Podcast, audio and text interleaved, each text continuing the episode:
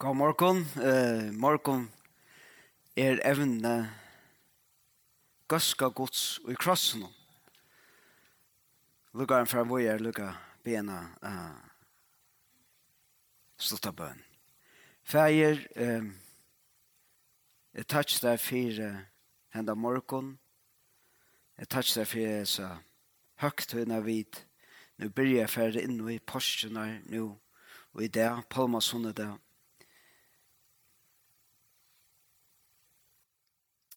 Jeg takk deg for at du er større enn vi, du er framman undan okkon, uh, og at du gjør tingene på en måte som vi slett ikke kunne umynda okkon. Jeg blir jo med det at uh, at i tjøkken og mine brottne år skulle vi få sammen en ferdelig av dørtøyene i krossen. Amen. Um, Evne jeg som sagt er gøska gods krossen, og jeg har hukst om etter året uh, gøska, så jeg fikk evne, og det har haft uh, seriene om gøska gods. Og så hukst jeg om, dette er et fantastisk år av førskånd, det vanlige hvis til dømes enskånd. Ja, så vil man ta seg om the goodness of God, at god er gåver. Eh, uh, Her halte jeg vi til å ryke i året først. Til gøske, året gøske, mest er jo bæge at nækka som hev kvalitet, er godt og på tammatan at det er til gøske ut. Det rykker som det skal, det avrykker det som det skal, det fungerer hver jeg fer, Hvis du hever et hål eller et eller annet som hever gøske hjem, så rykker det.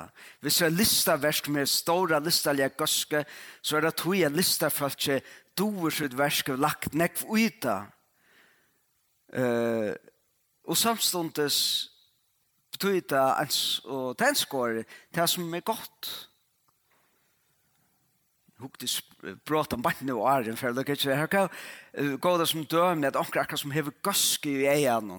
Det er det at det er en gåvild, det er en vilje for det gåa for i ånder.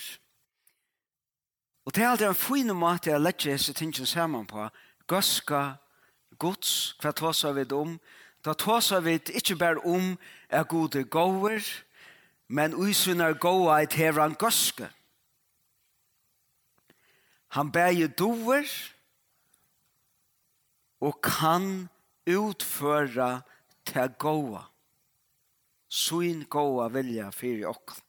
Så vi får ta oss i det om gøske gods og i krossen.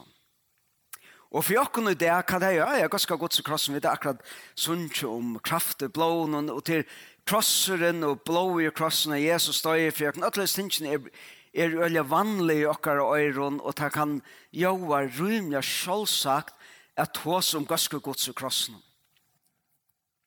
Men, og i første øyla, tar Paulus byrja i at hos om at æra hans er å være i krossen, han vil ikke vite vi nek annet utan kross Kristus er, så var det for flest folk, bæge jøder og grikkar, romverjer, ta døvun, vilt provokerant, anstidgeligt og skærkant. Og for jeg røyner kanskje jeg får en kjensle av tog, så at jeg forteller litt så tenkte jeg bare seg myndene, hva er bare seg myndene her, for jeg kan en mynd som, uh, som valgte nok så nekva irritasjon. Henne her, hese skulpturen er, uh, min jeg glemt hos lista for at han ble stittlet ut, og i Paris, jeg halde en av første 2000-tallene, og det var at folk Som er folk var ikke glad. Jeg vet ikke hvordan tid reagerer til at det sånn at eh, her som myndene eh, tan Jesus sett han i en elektrisk stål. Hva, hva bildes innan uttrykket til at det at det her. Det er øyne nek som hilde det å være offertelig blasfemisk. Um, men jeg halte her som lister med her finnes jo puras, jeg vet ikke ordentlig hva han hans enda mal, om det var provokert eller ikke, jeg kjenner ikke noe vel til det, men lykke mye hva hans intensjoner var, så halte han i spot on. Hatta fengar kanskje akkurat hvor så provokerande det var å si at han krossfeste Kristus var sierherren som hei vunnet sier av Valdon Hemsens. Og, og mak, uh, velden hans det var, det var lykka som att säga at jeg gänga runt at akkurat haft som akkurat som så politiska motto elektriska stålen.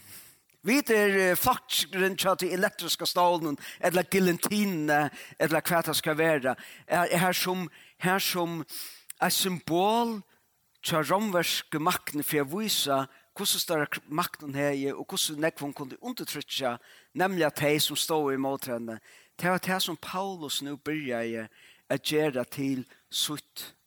Uh, att boa, at, at uh, likelen til alt det som god er, og eisen til Guds och la i krossen. Og for uh, uh, götar var det en anstikt. Tui, um, han som er hongt av en kross er jo bannav. Og, og, og det er også om hver enda vanliga ui en av elektrisk som ståle dropsmen folk som hava gjort rævlig ting. Ta Jesus var hongt av en kross så fyrir flest folk så huksa det men fyrir at enda her oppe så må han hava gjørst okkurs helt rævlet. Krossen og i romerskar tog var til avrattingar anbøye, det var designet til å være så pynefullt som møvlet, å være så anstidgeligt som møvlet, å være så nyrgjerande som møvlet. Jeg prøver ikke færre atter om og forklare seg om det at jeg vil jekke hva fyrre halvt det taler om her. Hvordan er dette hvordan hette avratten anbøy var designet til Ikke bare at det er av folk, men fire virkelig å kommunikere. Her er en personer som vet at det er som vi er stikkelen, et lær som man virkelig skal prekva, er at eh, hvis de setter at de kan opp imot til okra valde, altså keiserens veld, keiserens keiservelden, um, så er det hette vi kunne gjøre vidt. Her som vi kunne lette så store skom om man iver til som møvd til vær krosseren og fyrstjøl. Og tog i det for flere eldrettene er skjalt om krosseren året. Tuttninger med ikke atleire båskap til Paulus og til Gine som kommer rett om boende til de første kristne, men det er ikke for en for tre, fjore øld at folk begynner å bruke det som symbol. Tog at Ja, tykken bare uimynda det kunne. Og, og, og, og elektrisk stålen, han er til kanskje en forveikmynd. Uh, men så tært det og gjør det enda mer at det kripler ut det kom. Så, så la oss være til at tåse om krossen. Så, og uh, gjerne, Pjørs, slakk bare myndene nå. Jeg bare takker det fram, For jeg tror at jeg halter utrolig at tøtninger med at vi skulle skilja gøske gods i krossen så er det nøyet å skilja hvordan står ansøkt, hvordan står paradoks til hver og i første øl. Det var alt annet enn selvsagt.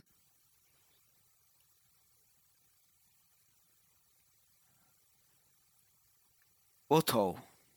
Og det er det som er vanlig, for jeg hittar etter og det er kvui allikavel krosseren blir mynten, symbolet, verleitjen som utan han kunne vi setje tåsa om ganske gods. Eh, vi halte vi byrja vi Johannes 2 for jeg fokuserer på 2 skriftbrott i Johannes Fyrst og Johannes 2. Og kan bare lukka fyrir gjerting akkurat som en liten mynd av hver leien er i at det er færre. Vi brukar færre, brukar mest av togene vi var saman, at seg om eh, um, hver henda durten, hver gaska gods er som vi suttir i krossen. Og så en av lukkla løter må det enda noen. Ta vi et hukk som heter hva mersker det for okken og hva mersker det for til liv vi så leva. Eh, hvem, hvem holdning har vi inn til til liv vi leva i dagligdagen. Men så først, og det som vi får bruke mest av togene til, hver er en det ganske gods som er åpenbære krossen, som brøyder krossen fra å være ei virstitjelet, avrattingar anpå, som bare kom kæra mysker og vognløse tap, tapare, til å være siersmerske hins kristna og akkurat stora vånar symbol. La oss først lese i Johannes kapittel 2. Vi hinner evangelien ta, ta fer Jesus inn og rensar dømer tempelet Palma Sunde. Ja. Johannes ta, ta, ta, ta forteller han til søvn oppbryen av tjenestene tja, tja Jesus. Og han hever, og i Johannes 2, hever, det her som til versen er fra ørene for å lese, til er Bant etter at Jesus hever tvers rikjøy til ut og rensa tempelet uh, og korspenningavekslene og alt det der ut. Uh,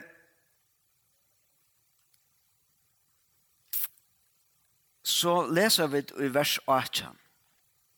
Gjøtene tog og nå til åra og søtte vi han.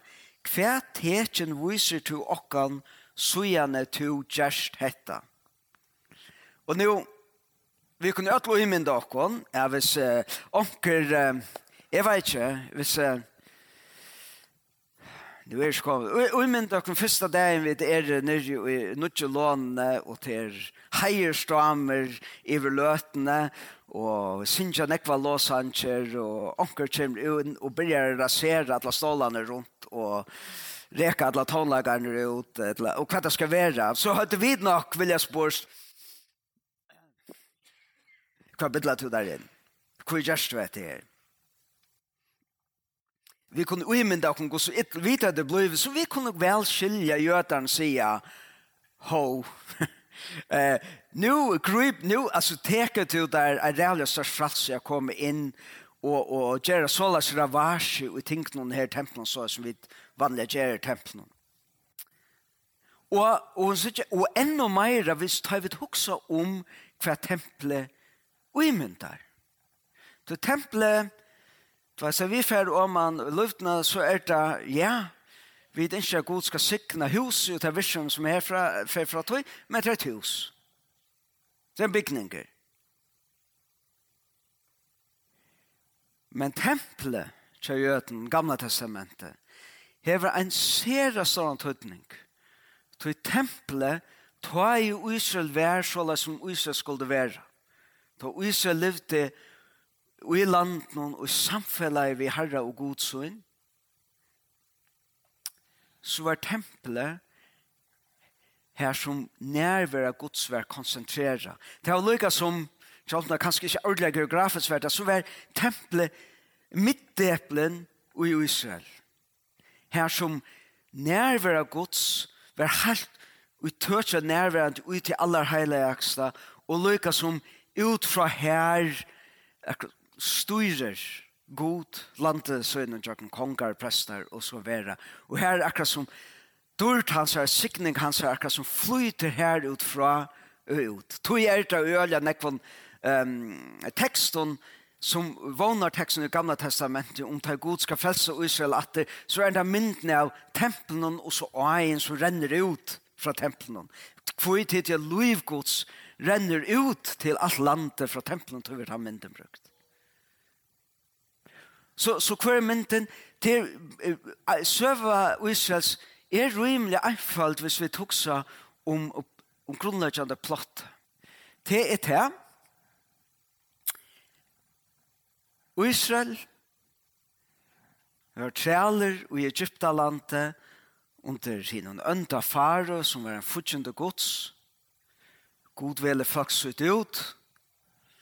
Han bjerga dem vi sin stora verste vi plaun og i, i Egyptalandet tekte jøkken um, uh, de, uh, de har uh, de har sånn til og og gjøre sattmåla vitt deg om at de skal leva i landen som han har givet dem til å være folk hansar og hanskar og godtarra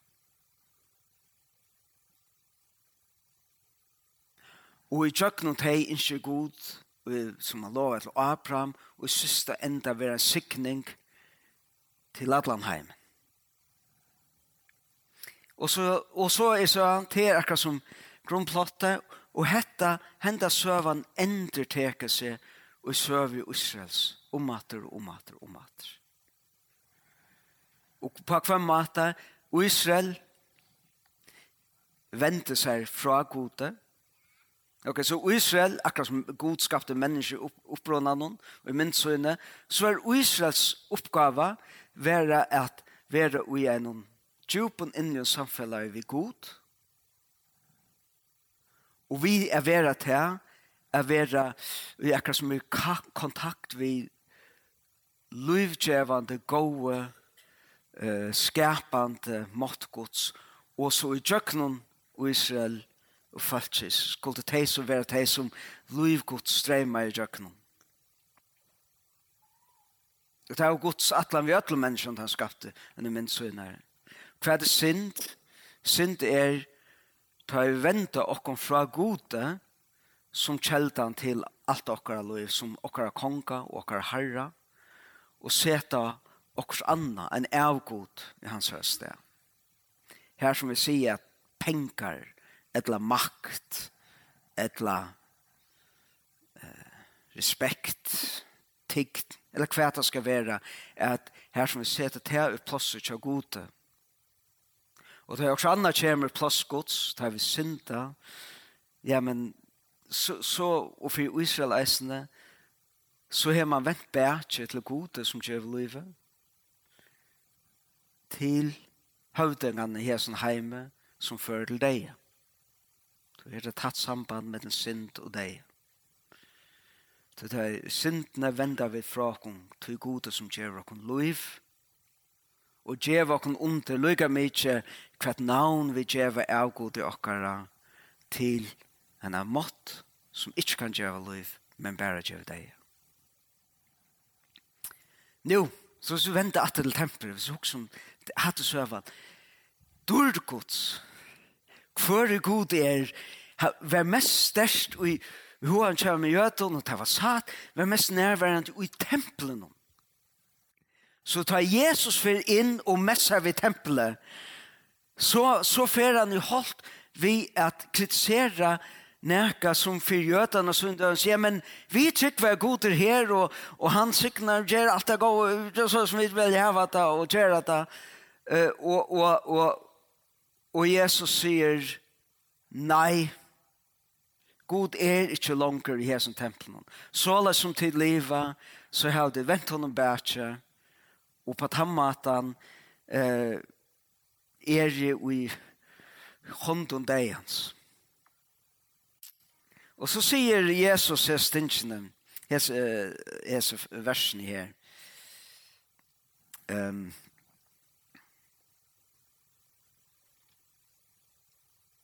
Her, ja. Mamma, her. Eh, Jesus sværer til han, til det her spørs om hva er gjørst dette. Altså, hvordan kjem, hvordan kan så løye der gjøre så sånn kritikk av tempelen. Jesus sværer til han, og dette tekjen som Jesus gjør til man. Bråden er dette tempel, og jeg skal reise til opp etter tre mån døven. Ta søtte jødaner og 46 år stå etter tempelet gjør, og to skal reise til opp etter trimon døven. Men han taler om tempel likamsøns. Her kommer den her store motsaken langt i Johans evangelium. Jesus sier at, nei faktisk, stort gods i ferden. Hun ferden er jo, sier som tempelen, tog tid til å vente god og. Så stegen for er ved at de mennesker som lovgodt strømmer i jakken har det givet ekon iver og gjørst til krefter. Har høvdenga henta en heims til tekkar kong. Og i steg en for eh, lov så i sin tekkar kom det å smakka deia og bann. Og så er en nøyla stor parster av Johans evangelium, så, så leser jeg om hvordan Jesus begynner brøyte til. Og han begynner på den måten som jøter vågne av, at her vågne et sånn Messias. Det var jo tilvidere om at alt var, selv om det hadde tempel, så var det lykka tilvidere om at alt er ikke som det skal være. Og det bor vi etter at Messias skulle komme, og han skulle komme ved valg og makt og tvest Reka ut alle sintu menneskene og reka ut av sindru maktene keiservelte så at atter Israel kunne være dette her lova i landet som, som uh, her som, som god atter var uh, åtta neka foring nærværende til Israel. Og i byrjanne så virker det såles. Jesus sier, han grøyer folk. Det er om at Gud venter deg til liv. Ja?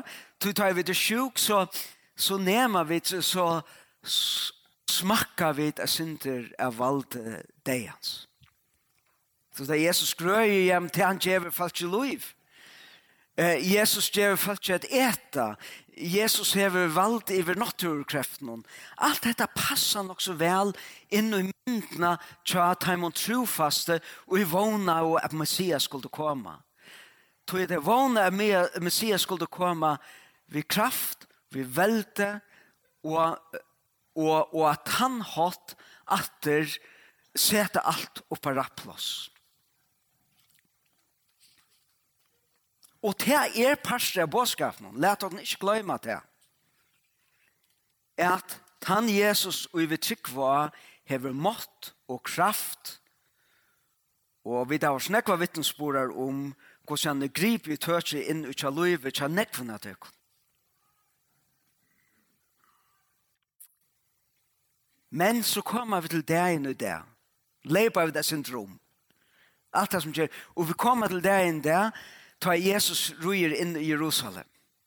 Og nå er akkurat som man hever av uh, enskånet og hodet fever pitch.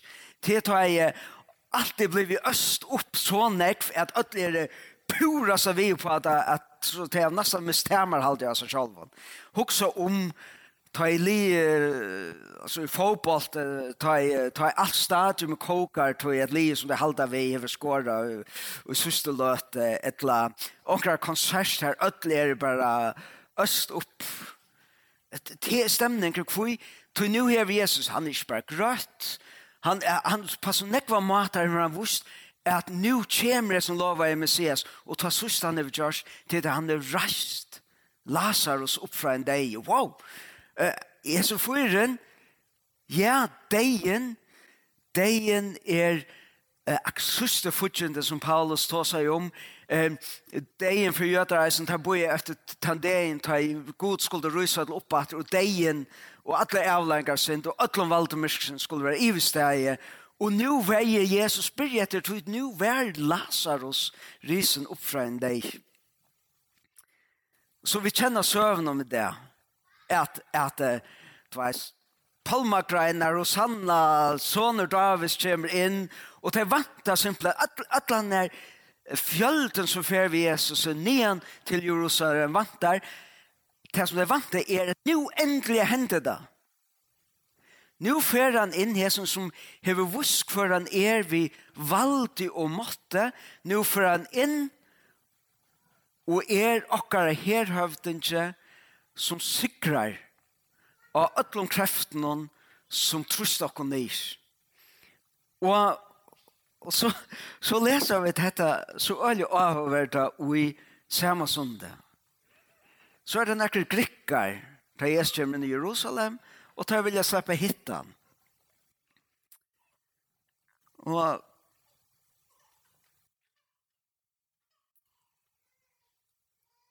Och så börjar Jesus i stedet for å fortelle det som folk vant deg. Ja, ja, nu har vi alla munnar här, men här vi där vapen i här. Nu får vi fyrst och reka Pilatus ut.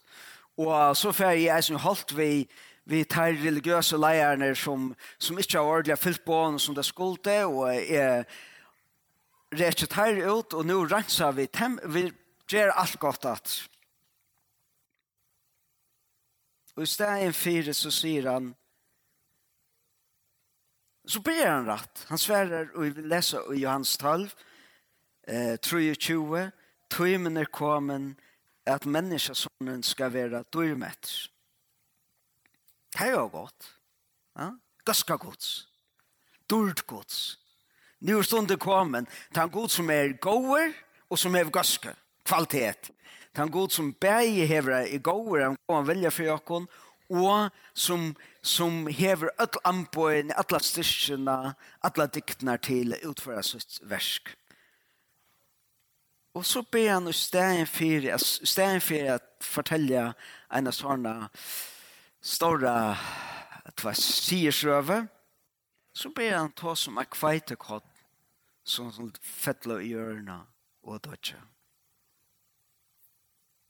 Og så sier han settene, og får jeg lese vers, Johans 12 fra vers 28. Og så tekker han dette her, og ser til disse tingene sammen, som virker totalt alt. Fæger, styr med et navn tutt. Og nå kjører han ikke bare hans nå kjører han rødt av himmelen. Ta kom rødt av himmelen. Jeg ber i hevet styr med det, og skal atter styr med det. til. Falt jo stå her og hørte til å si at det var tårene og tjekk. Anders hørte det var angel og tala i til hans herre. Ta svære Jesus, ikke for mine skuld, kom han da rødt, men for tykkara skuld. Nu gongur domur iver henda heim. Nu skal høvdingen iver hese heim vera kastaver ut. Hertil passar alt ordentlig vel ut til vanlige søvgångene som folk vant av. Yes! Det var fra, fra satan av venon og fra alla alla tar konkar alla ta politiska med ju militära med og all andra eh, som er eh, virka for eh, kongen i hesten heimnum, hva det er venom. Og så kommer jeg til og tar jeg ver litt opp fra hjørnet, skal jeg dreie ødel opp til morgen. Hette sier han fire, a peika av kvann deia han skulde dodja.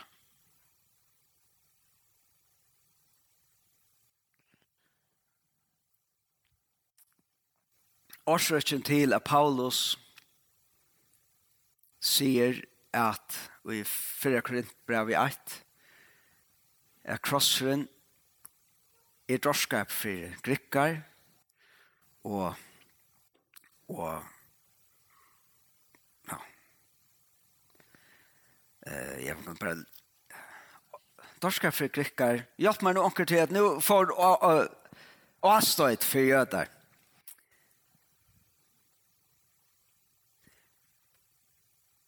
Du åndsje virker så tapeligt. Jeg sier som er god vinner sier så inn at vi mest vanvirlige avratningar anbøyene som fanns ut i griska heim. Det er det dorskaper for grekkar. Og han for jøter til banna vært han som er hongt i tre. Og det er dette som Paulus sier er visdom og gods. Sinter som, som uh, Grimmer Georgi og Anne. Uh, Påska morgon, ta så gjør vi det her. Ja. Og er det så ligger alle han den her meien Og jeg sa kanne, sprøyde kanne som, som grøymer heier. Lenger frutja det er ta ta sutja vi kjatt her. Men öll megen er her. Du hva er det som hva er det at dord gods saste krossen som tidsist er vera det motsatte av öllum vi kunne hugsa om gosk. Krosseren var ikke neka som han tenkte i et gøsk. Krosseren var kvørste godt. Du veist. Anstendig folk. Ta at han tok ikke en gang år i oppa tungene.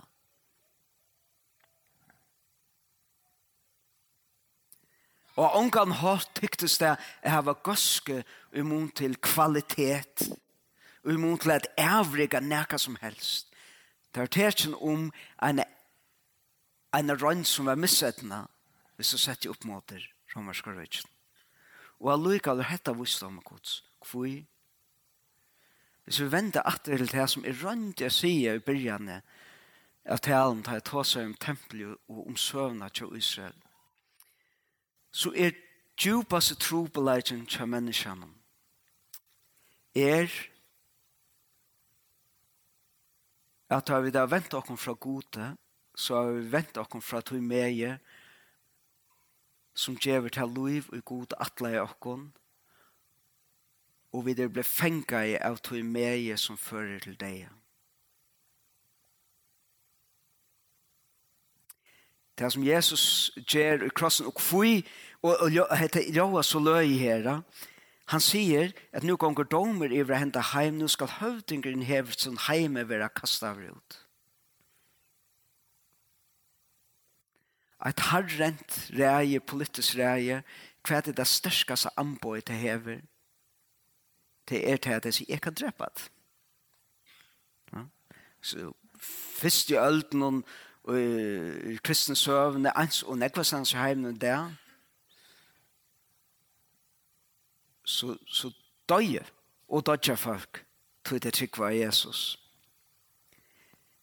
Men hese falskene var nå kom til en trygg var en som er vunnet av deg. Og ta missa all velte og i heva deg som så sterskaste anpå sånn av meg. Hvor Deien er okkar søster fortjent. Men ta Jesus veler ikkje um, leiene som er vi svøre, men for jeg djeva sitt liv for jokken. Ta er det god sjolver, som fer inn i okkara mysker, inn i okkara deia, inn i okkara synd. Det er det som Rønge sier i Johanne, at, at etter samband i middelen synd og deia er, er ikke først og fremst sjående god eh, God damer ikke synd. Det vet han av vreie. Men, men, men grunnleggjande årsøkken til at synden fører til deg er at har vi da vent god bætje, så har vi vent okkon til til måten som fører til deg som hever som sitt vapp som deg, som i siste enda sier vi deg som underrettsvalgte, og i siste enda det er som drept. Og Jesus sier, hvordan skal jeg avvåpne hese velte? Jeg velger ikke veien tja daimon makkfotle, tja daimon ryke, tja daimon som er avverskan, tja daimon som, som kunne kunne avrika en rikve. Men jeg ferdig inn her og som myskre og deien er størst. Han døyr for jokk. Og ta Jesus for inn i deien, ta er det løsens herre som som, lyga, som for huksa om deien kanskje som Jeg størst, nu hadde jeg akkurat funnet just, kunne jeg just mindre enn svarst hålet, men huksa om deian som det kosmiska stora svarsta hålet og jeg drever alt inn til inn i sitt mysker. Men Jesus som lussens herre og som god skapte alt og jøknum, tar han fer inn i det hålet, tar fer ei måtter inn og i det myskre som er sterskere enn det myskre, som er sterskere enn det svarsa hål og kan sprangja det.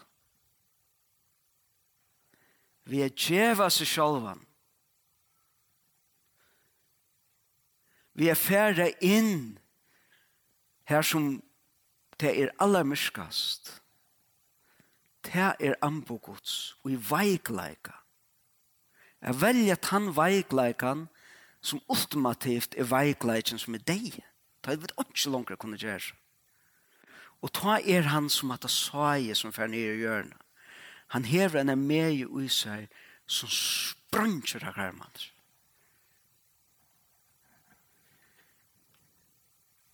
Å, oh, ja, nu er det langt tid for lenge tid, men hatta er gøska gods i krossen.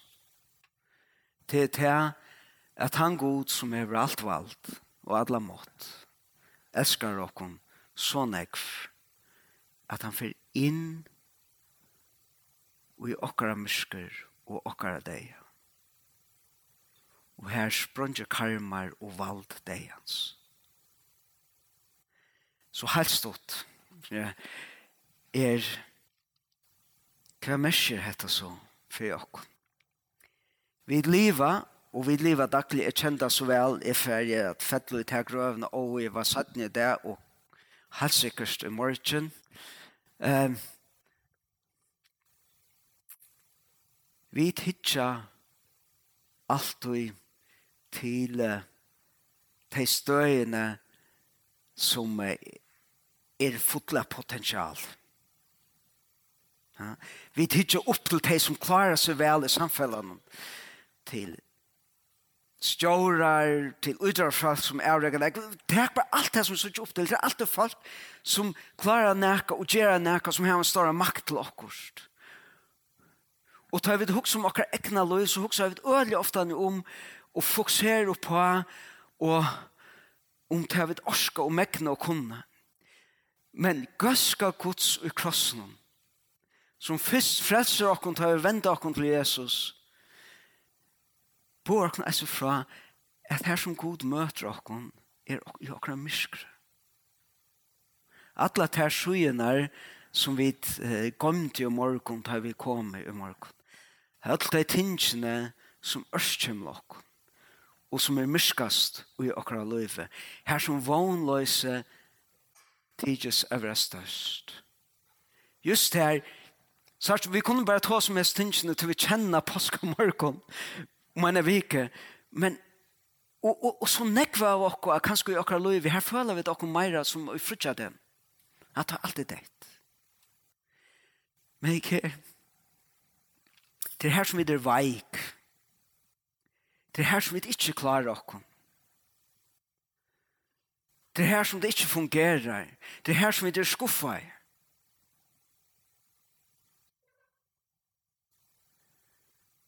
til her ur Guds lyfte ur krossen kjem til okkon at det her gøske Guds er største steder i okkar liv.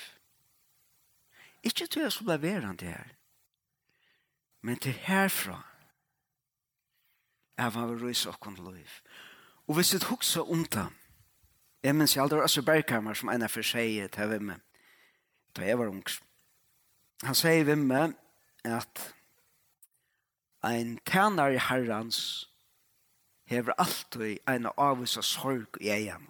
Vi helt har gott øyelig godt sagt. Det er hinge vimmer svean. Kvoi tui at vi sust enda alt det stora og alt det goa som vi kunne avrika. Alt her, alt her som, som verlig er mest av mått åtte og dord og aktiviteten som oppreisningen er, og som god ikke dere. Som gjør verlig liv til tog jeg vidt først vår mynda i saman med Jesus i krossen. Eisen i okkara krossen, i okkara liv. Så om du er sorg, om du er større birar bærer på, om det er tungt, om det er skuffande, om vånar brossnar så er det just for tær at krossens vån og krossens gaska er fyr. Det er inn og i tæstæget til den livet at god sier til her er ere fyrir til. Og til her er vil være fyrir til og være sammen vid her og til herne at jeg skal færes vittar til oppreisen. Og så allersust, hva mest det for hvordan vi lever akkurat liv?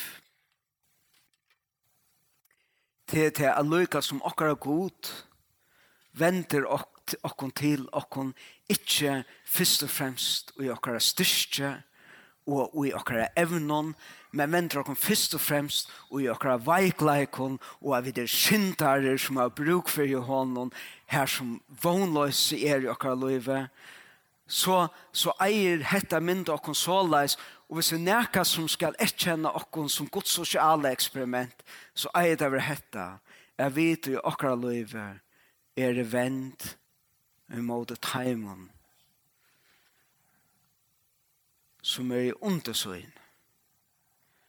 Det er som løy av depresjon, det er som, er som løy vi ikke rikker er tja, de som særlig teimen som vid og samfellet døma som syndarer og taparer. Det her god innskjer at vi skulle være en nærvær av krossgøske hans herre. Amen.